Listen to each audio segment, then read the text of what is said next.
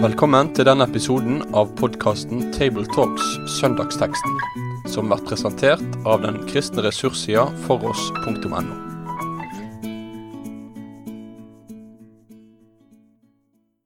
Hjertelig velkommen til en ny episode av Table Talks fra Bergen. Rundt bordet her sitter Jon Magne Sønstadbø, som er prest i Delk. Rolf Kjøde, som er leder for strategisk utvikling ved NLA-høgskolen, og meg sjøl, Tarjei Gilje, redaktør i Dagen. Vi skal lese teksten for andre søndag i påsketiden fra Johannesevangeliets 20. kapittel, vers 24 til 31. Thomas, en av de tolv, han som ble kalt Tvillingen, var ikke sammen med de andre disiplene da Jesus kom. Vi har sett Herren, sa de til ham. Men han sa, Dersom jeg ikke får se naglemerkene i hendene hans og får legge fingeren i dem og stikke hånden i siden hans, kan jeg ikke tro. Åtte dager senere var disiplene igjen samlet, og Thomas var sammen med dem. Da kom Jesus mens dørene var lukket. Han sto midt iblant dem og sa, Fred være med dere. Så sier han til Thomas, Kom med fingeren din, se, her er hendene mine. Kom med hånden og stikk den i siden min. Og vær ikke vantro, men troende. Min Herre og min Gud, sa Thomas. Jesus sier til ham, Fordi du har sett meg, tror du. Salige er de som ikke ser, og likevel tror. Jesus gjorde også mange andre tegn for øynene på disiplene, tegn som det ikke er skrevet om i denne boken. Men disse er skrevet ned for at dere skal tro at Jesus er Messias, Guds sønn, og for at dere ved troen skal ha liv i hans navn. Det er jo nesten en, en klisjé det at Thomas blir kalt tvileren. Jeg lurer på hvor rettferdig er egentlig den merkelappen? Det er jo ikke helt uforståelig at han ikke uten videre ville tro på et vitnesbyrd om at en var stått opp fra de døde uten en eller annen form for bevis. For folk pleide jo altså ikke å stå opp fra de døde på daglig basis på denne tiden her heller. Nei, og de andre disipler har jo ikke akkurat vist seg som veldig troverdige heller i sin oppførsel. Så det å liksom avfeie det med at de har sett syner eller er sterkt fortvila, det, det er iallfall fornuftig for min del, da. Mm. Så, men hvor var Thomas når han ikke var sammen med de andre? Han må jo ha vært en fyr som hadde guts, da, som var ute på gaten, og kanskje han var ute og leitet etter Jesus, eller kanskje han var jo Han var i hvert fall mye mer aktiv enn de andre mm. siden han ikke var med dem. Så bare å si at han var en sånn som lå og gjemte seg eller hadde vært borte, det vet jeg ikke om vi skal si. Så av og til så blir han kanskje litt sånn dårlig behandla på den måten, da. Ja. Kan jo hende han måtte til middag hos svigers. Ja, kanskje det. Ja, det er jo ikke godt å si. Eh, nei, men, eh, men eh, i et annet evangelium så avfeier det jo det alt sammen som kvinnfolkprat. Ja. Mm. Uh, og disse to som er på vei til Emmaus, de er fullstendig rådville, for noen påstår at. Uh, og det var jo det vanskelige og nesten umulig å tro. Så Thomas er jo ikke på en måte i en egen båt her. Uh, det er båt med ganske mange. Akkurat. Av oss, selvsagt. Vi er jo ikke vant til at folk står opp Mm. fra de døde. Det er, og Av og til så omtaler vi disse tidene som sånne naive tider. Den gangen kunne de tro på sånt. Hadde veldig lite erfaring med sånt den gangen. så så det, det er ikke noen grunn til å, å tenke at noe var Det er noe jeg husker godt fra, fra pensumlitteraturen når jeg studerte kristendomskunnskap, og Oskar Skarsen som som påpekte det. Det er ikke sånn at oppstandelse fra de døde var vanlig før i tiden. Du, når du leser det, så ja, hallo, selvfølgelig. Men egentlig så er det noe som faktisk bør fastslås. For vi kan lett tenke at uh, folk på den tiden, det var noe De trodde noe på av hvert. Ja, men Jeg sjekker opp litt det der med Thomas og, og liksom hans rolle, for den har av og til undrer meg. Og jeg lurer på, Er det, er det en sånn spesialnorsk tilegning av uh, tvileren vi har gitt ham? Thomas som var tvillingen, og Ja. vi, vi kaller tvileren. Det er veldig mye sånn alliterasjon, sånn bokstavrim Ja, ja. der, ikke sant? som vi får til på norsk. Um, men eh, må jo bare si det at dette eksisterer for fullt i Tyskland. Ja. Uh, Zweifel uh, og uh, Der Schweifler. Og det eksisterer på engelsk ikke minst, for det har de faktisk et fast uttrykk der folk kan bli, kalles, kan bli kalt 'adopting Thomas', eller Thomas. Okay. Uh, I forskjellige situasjoner i livet. 'Oh, so you are adopting Thomas'. uh, så der har det glidd inn sånn i språket. Så det er ikke bare i Norge. Nei, og Det er jo fascinerende. Jeg husker at Det gjorde inntrykk på meg første gang jeg oppdaget det for mange år siden i misjonsbefalingen i Matteusevangeliet. Sant? Selv der er det sånn at menn noen tvilte. Er det ett sted det som man skulle tenke at der kan det vel umulig gå an å tvile? Så må det være akkurat der. Ja. Men det gikk an det òg, faktisk. Ja. Det er litt deilig. Ja, det er egentlig litt det. På den annen side, eh, mennesker har vel til alle tider ønsket bevis på det usynlige, også på Guds eksistens. Eh, hvordan ser vi på sammenhengen mellom synlige tegn på Guds rike og det å tro uten å se? Jesus snakket jo om at det er en, en ond og vantro slekt som krever tegn, men samtidig gjorde jo han sjøl ganske mange tegn i sin jordiske tjeneste. Ja, jeg tror for Johannes, Nå er vi heldige i Johannes-evangeliet, for da kan vi knytte det nettopp til ordet tegn. eh, Semeion på gresk. Og, eh, eh, og Johannes bruker jo det veldig bevisst, fordi at når, når Johannes forteller tegnfortellingene, så er det hele tida en slags underliggende budskap han vil ha sagt enda noe mer om det. Så det er ikke tilfeldig det utvalget som har eh, tatt det, skal vi komme litt tilbake til da. Men det, men det er nettopp tegn på noe som er i ferd med å bryte inn, og er i ferd med å komme. Eh, Det, eh, og når Jesus da f.eks. i kapittel 6, så har han, har han gjort det ene, faktisk det fjerde tegnet sitt, ikke sant, om å, han har gitt dem brød til de 5000 og gitt mat til de 5000. Og dagen etterpå så oppsøker de han igjen, og, han, og de sier til han at eller han sier til dem at um, dere kom ikke her fordi dere så tegnet. Dere kom her fordi dere åt av brød og ble mette. Mm. Altså, De søkte på en måte brød og sirkus da, for å være med den franske revolusjonen. Eh, men, eh, mens, mens Jesus vil at de skal se hva som er bak det som han, det som han har gitt dem av tegn her. Eh, og, eh, og Derfor så er det grunnleggende tegnet som alle skal bli vitne til, det at Jesus har stått opp. Det er det en må forholde seg til, det er Jonah-tegnet som han gir deg. ikke sant? Mm. Og så nekter han å gi deg under på bestilling. Ja. Men han gir deg likevel under som tegn på at Guds rike har kommet. Men under deg, akkurat sånn som lignelsene til Jesus, de er ikke alltid lett tilgjengelige. Du kan ikke bare slutte deg fra under eller fra lignelsen til noe annet. Faktisk sier Jesus at nei, men jeg skal tyde li- ligninga for dere, men jeg kommer ikke til å tyde den for de andre.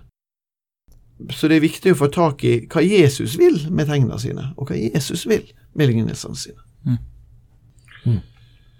Så det er jo en dramatisk vending i teksten, må vi kunne si. Så står altså Jesus midt iblant dem. Eh, litt av en overraskelse sant? bak stengte dører. Og så sier han 'fred være med dere', og han inviterer Thomas til å se det som han først ikke ville tro. Eh, og så er det jo interessant, eh, nærmest som et trekk ved Jesus, at han imøtekommer jo Thomas sitt ønske, samtidig som han òg formaner han til å være en troende og ikke en vantro. Ja. Det er jo åtte dager etterpå dette, da. så det er jo åtte dager med, med smerte og bekymring som, eh, som er samla i dette rommet her, med disse. Kommer Jesus inn, og så forkynner han evangeliet til deg, som er fredshilsen. Eh, at her er det ikke noe ondt imellom oss. Så har jeg tenkt litt på dette her med om eh, at Thomas skal jo være en apostel. Og da var vel også et av kriteriene dette med at han skal ha sett den oppstanden Jesus etterpå. Mm. Så for at eh, måte, Thomas skal gå inn i den forkynnertjenesten og det vitne aposteloppgaven som han har, så må han se Jesus som den oppstandende. Eh, og så er det også et aspekt med dette her med at eh, han får lov til å ta på kroppen hans. Og det er jo inn i den her eh, eh, antikroppslige teologien Mm. som ofte vokser opp, sant. Eh, dette med at jo, Jesu oppstandelse fra de døde er med et legeme. Det samme legeme som han døde med, altså du ser trekkene, men det er herliggjort. Og det får Thomas være et vitnesbyrd på at ja, det er kjøtt jeg har tatt på her. Som, som også er et veldig sterkt budskap inn til uh, Ikke det Thomas-evangeliet, et av de gnostiske evangeliene. Mm. Så det er jo helt sånn absurd, egentlig, at, ja. At uh, han liksom skal liksom ha skrevet sånn gnostisk når han har drevet Ja. og rota med, med Eller ikke rotet, men tatt på kjøttet til Jesus. da. Ja, altså, vi var jo inne på dette at Thomas blir kalt for tvileren, og, og det er jo bare til en viss grad rett. Ja, han hadde en helt normal tvil og skepsis i seg som vi alle ville hatt. Eh, og så sådan er det veldig fint å bruke det i ulike typer formidling. Men Thomas blir jo ikke i sin tvil. Mm. Jeg sier ikke at han ikke kjemper med tvil gjennom livet, men altså han, eh, det er jo viktig her at han tas videre først til tru. Nå tror du. Og så blir han tatt til tilbedelse. Mm. Så det er ikke tvilen som står igjen som de idealiserte. Jesus idealiserer på ingen måte Mm. tvilen. Eh, ja, det er flott at det gis rom for at tvilen er en del av trua sitt menneske, men tvilen så Av og til kan vi høre det i vår tid nesten som at, at tru, ja, det er jo liksom en naturlig Nei, tvil er en naturlig del av trua. Mm. Altså, det, det hører helt sammen. Det, å tru er egentlig å tvile. Du kan nesten få inntrykk av er på en måte den, den folkekirkelige ideologien, enten i eller utenfor eh, folkekirka. Eh, men det er et falskt budskap, så langt jeg kan se. altså. Eh, ja, tvilen hadde en veldig naturlig plass i trua sitt menneske, men tvilen er ikke en del av trua, for trua er jo tillit. Og her møter han Jesus, og han møter han fysisk, som Jon Magne sier her. Eh, og det blir hans eksistensgrunn videre, og derfor tilber han. Så Jesus vil lede til tru og til tilbedelse. Eh, er ikke, det er ikke noe ideal å bli i tvil. Akkurat. akkurat. Og så synes jeg Det er sånn, altså det gamle testamentet har mange skildringer av sånn, at Herren er barmhjertig og langmodig og rik på miskunn osv. Eh, at det er noe talende her i at Jesus ikke bare på en måte Han sier, sier ikke bare at du må eh, tro uten å se, men han lar faktisk òg. Altså dette som var, altså, ideelt sett skulle Thomas ha trodd uten å se, men han lar han få se. Så han viser på en måte en ja, altså vi kan jo si snillhet, eller en mildhet, en, i hvert fall en sjenerøs imøtekommelse, da.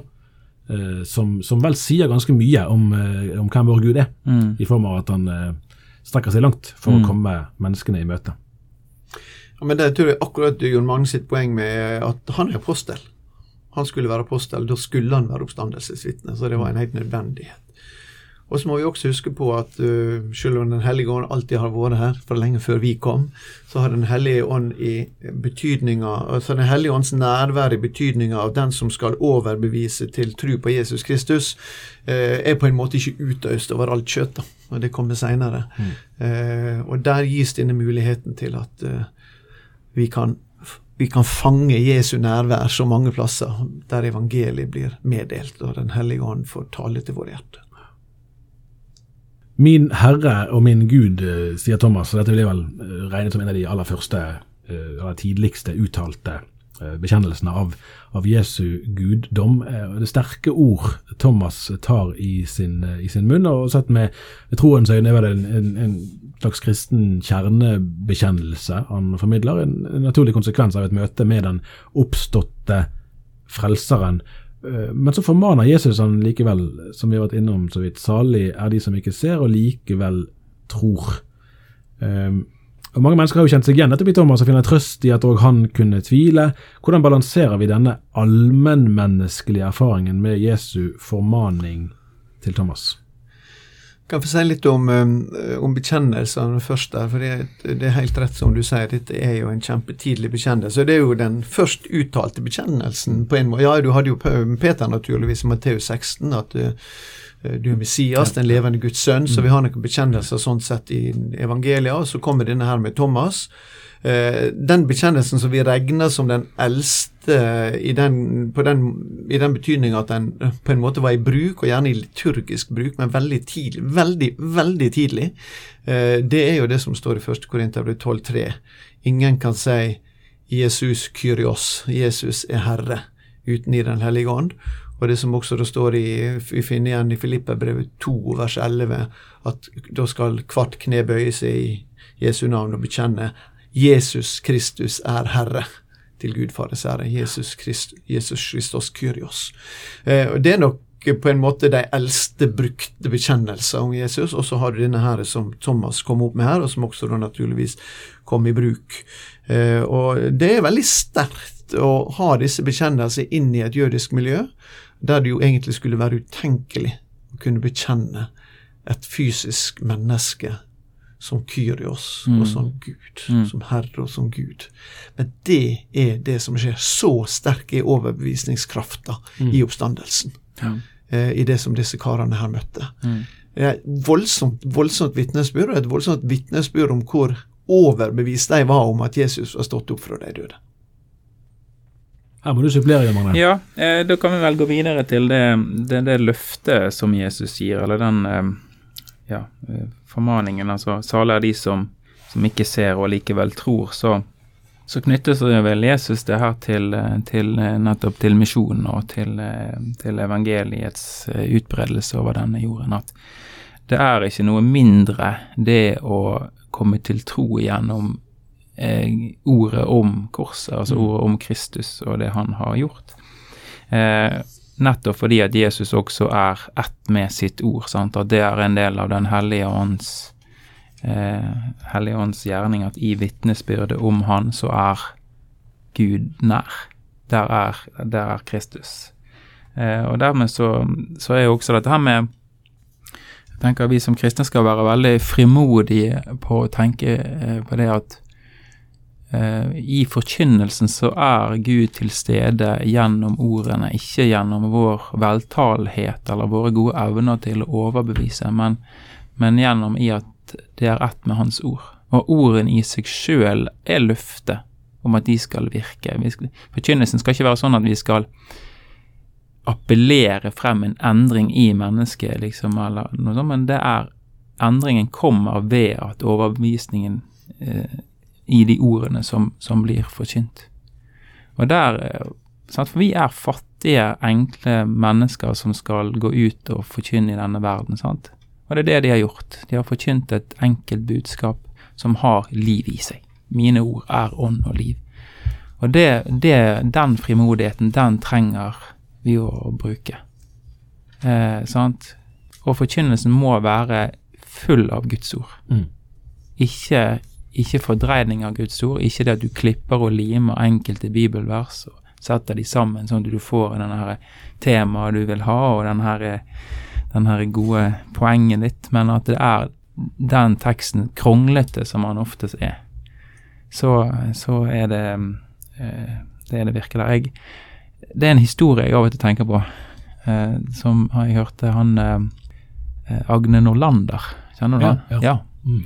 Er jo en, eh, en kjent mann for enkelte. Han fortalte når han var sånn ungdomspredikant Jeg jobbet i lagsbevegelsen i Sverige. Så det, skulle de ha en aksjon på et universitet. Og der på dette universitetet skulle de få besøk av den nye fremadstormende evangelisten, og alle satte sitt håp til han når han skulle komme. Men så ble han sjuk. Og da sendte de istedenfor en gammel, traustig predikant som stilte seg frem på talerstolen, og han ba en lang, kronglete bønn, og leste en lang, kronglete tekst, urelevant, og så begynte han å preke. Og så sier han Norlander han hadde aldri vært i det auditoriet der med sånn en stillhet. Mm. Fordi at da var det Guds ord som ble lagt ut, og det er den makten som er nettopp i det som, som Jesus taler om her. Altså salig er de som, som ser og likevel, som ikke ser, men likevel tror. Altså de som har hørt. Jeg tenker at denne, akkurat her som er i teksten nå, så ligger det på en måte denne dobbeltheten som også alltid har fulgt den kristne gudstjenesten, nemlig kallet til tru, salig den som trur, forkynnelsen som driver til tru på Jesus Kristus, og kallet til tilbedelse. Altså det er, det er, det er på en måte begge retningene, ordet som når oss til tru, og trua sitt fellesskap som retter sin tilbedelse til, til Gud. Eh, Det er jo en eh, liten sånn sak her. Det er jo en del eksegeter som vil mene at eh, den opprinnelige slutten på Johannes-evangeliet var her i kapittel 20, for de to siste versene bærer veldig sånn sterkt preg av det. Uh, og det kan godt hende det var. Uh, da, hvis det er riktig, så tenker jeg at kapittel 21 kom til veldig fort etterpå. Mm. Sannsynligvis er det de samme folka som allerede da hadde skrevet. Uh, for språket er det samme, og settingen er på mange, virker ikke som den er veldig ulik. Samtidig så forstår jeg de som tenker at det der er avslutninga av det. Men hvis det var det, hvis dette var det siste på en måte, la oss si i Johannes i tid, med Johannes som, som apostel eller som evangelist, så er jo det en, en sirkel som sluttes, da, fordi at dette evangeliet begynner med eh, begynner med eh, eh, I begynnelsen var ordet, og ordet mm. var hos Gud, og ordet var Gud. Og så får du det siste utsagnet fra apostelen på en måte er min Herre og min Gud, så sluttes på en måte sirkelen i Johannes, mm. Johannes evangeliet. En veldig sånn sterkt mm. Eh, evangelium med bekjennelsen til Jesus som Gud. Ja, for det er jo nærmest en sånn eh, metakommentar, kunne du vel kalt det i dag, i, vers, eh, i, vers, 30 og 31, som er interessant da uansett. Eh, det, på den måten at den sier oss noe om hvorfor og hvordan denne, denne fortellingen er komponert. For vi det husker jeg jo Vi lærte litt om eh, på NLA i min tid som student, om hva slags sjanger er dette. sant? Det er ikke skrevet som en biografi etter våre moderne standarder osv., men det er skrevet med et bestemt siktemål. Disse fortellingene her er skrevet ned for at dere skal tro at Jesus er Messias Guds sønn, og for at dere ved troen skal ha liv i, i hans eh, navn. Ja. Ja, Det er jo målstyringa her. Johannes er jo veldig, veldig, er veldig godt komponert, på en måte. Mm. Der, er, der er sju sånne her eh, diskusjoner som Jesus fører med, med eh, fariseerne ofte, de skriftlærde ofte. Det er sju av dem, og det er sju tegn. Og, mens Matteus, Markus og Lukas forteller om Jesu tegn her og der, og de samler det opp i samlefortellinger. Og, og eh, så er det sånn at Johannes han, han har gjort et veldig selektivt utvalg av disse, her, eh, disse sju, mm. som begynner jo med vinunder i Kana, ikke sant, og offiseren i Kapernaum, og du får uh, den lamme vel i kapittel fem, du får uh, de 5000, du får still, han som stiller stormen, uh, og du får den blinde i kapittel ni, og du får Lasarus' oppstandelse i, i kapittel elleve, da har du de sju før det store, det store tegnet med Jesu egen oppstandelse. Og Hvis du tenker over de tingene som jeg sa nå, så er de veldig sånn ulike, og alt sammen står der som tegn på det som nå bryter fram, altså. Uh, det evige livet, som jo Johannes i større grad bruker som ord på det enn en Guds rike, men som er, vel egentlig dekker noe av det samme. Um, der, og der står de og, og vitner, uh, og vitner om han nettopp i, i denne rettssaka mot Jesus, si, for at, for at folk skal tro. Uh, og Han kaller seg også for et vitne veldig mange plasser i, i Johannes evangeliet. Vitne i saka om Jesus. Uh, og den skal lede til tru. Den skal lede retten til tru, og folk til tru. Ja, for Jesus står jo anklaget. Sant? Han står jo alltid anklaget. Så, så er det faktisk dette evangeliet vi er gitt til vår tid også.